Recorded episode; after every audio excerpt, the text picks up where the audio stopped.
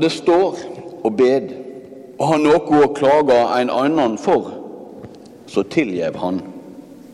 Da skal òg Far dykkar i himmelen tilgi dykk misgjerningane dykkar.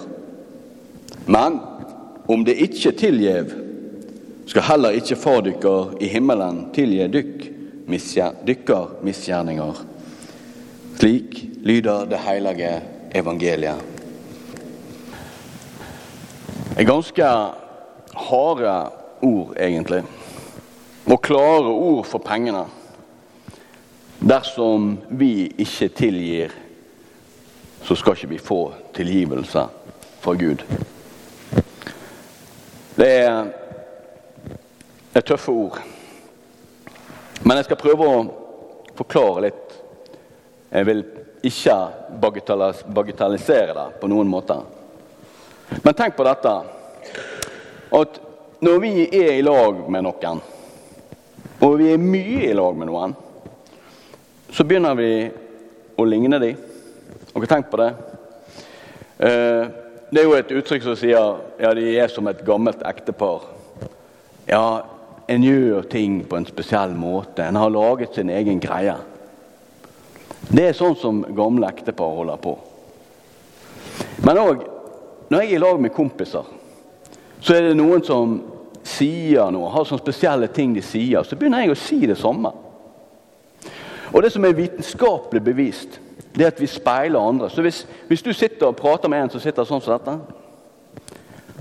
så plutselig så tar du deg sjøl i å sitte akkurat sånn som dette, du òg. Og sånn er vi laget. Vi speiler hverandre. Og det viser kanskje hvor viktig det er å være avslappet. Er du avslappet, så blir folk rundt deg avslappet. Er du stresset, så blir folk rundt deg stresset. Sånn er det. Det Jesus prøver å forklare oss, det er det at når vi ber, så er vi i lag med Gud. Når vi ber, så henger vi med Gud. Og ber vi mye, så er vi mye i lag med Gud. Og han forventer en form for speiling. Han ønsker å smitte oss, på en måte. Så har vi en Gud som er avslappet, så skal vi være avslappet. Har vi en Gud som er streng, så skal vi være streng. Har vi en Gud som tilgir, skal vi òg tilgi. Fortellingen som Terje leste om Jakob og Esau, den er gammel gammel fortelling.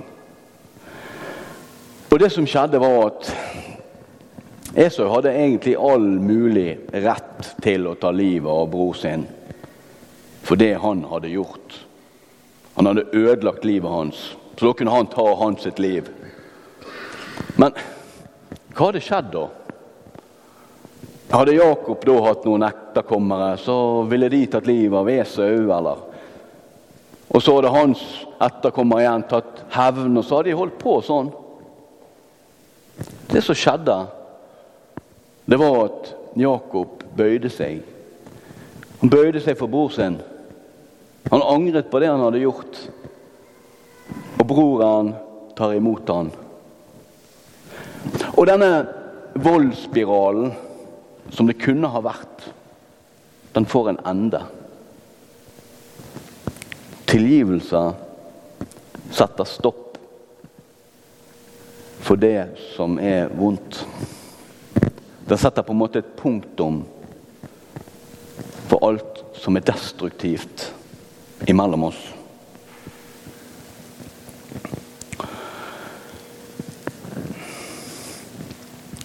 Jesus han eh, lærer oss en bønn. Fader vår, du som er i himmelen.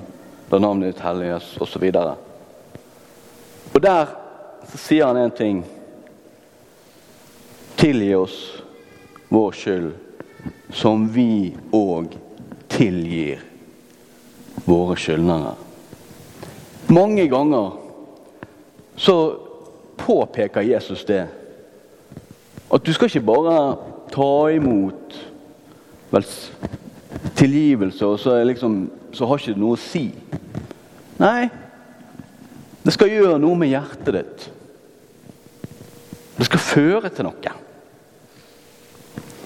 Og så forteller han en veldig flott historie om en, eh, en tjener. Han sier himmel, Guds rike kan lignes som en herre som hadde en tjener.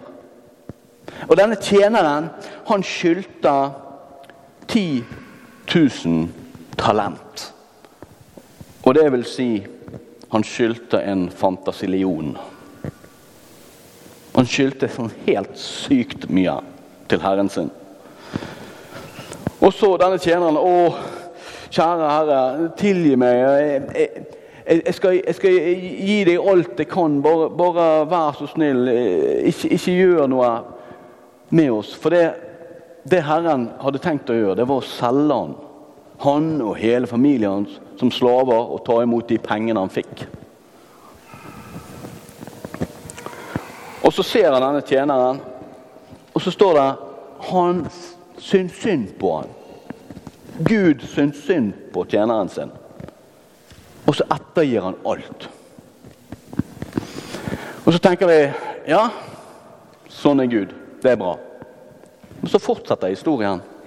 Så går denne tjeneren ut og så finner han en annen tjener som skylder han penger. Han skylder han bare 200 000. Til forskjell for en fantasilion så skylder han 200 000.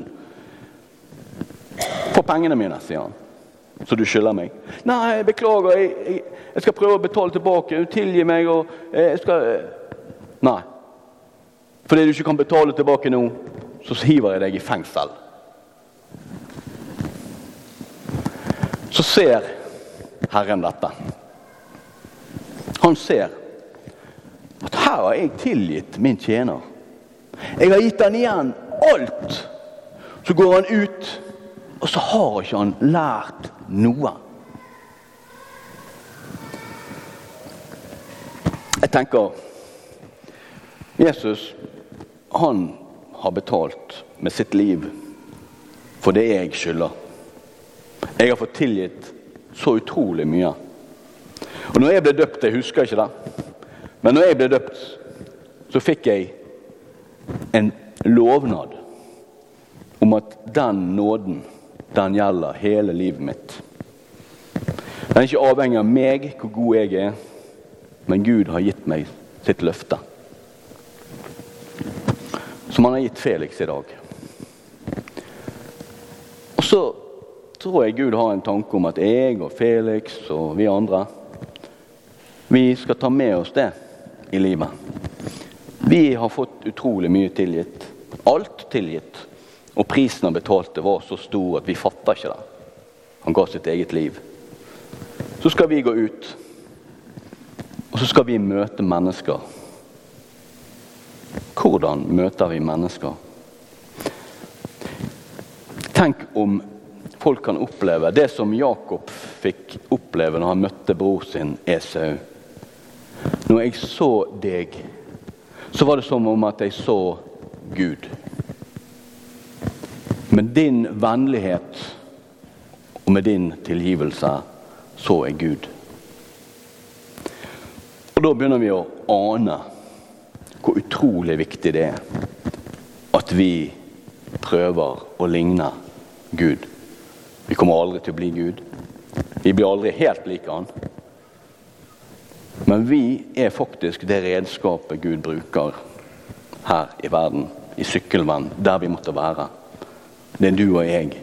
Vi kan ikke se på andre og si 'nei, det er ditt ansvar'. Det er du og jeg som har ansvar for å bringe Guds tilgivelse videre. Det er du og jeg som er redskap for hans fred. så vet jeg med meg sjøl at jeg feiler på dette.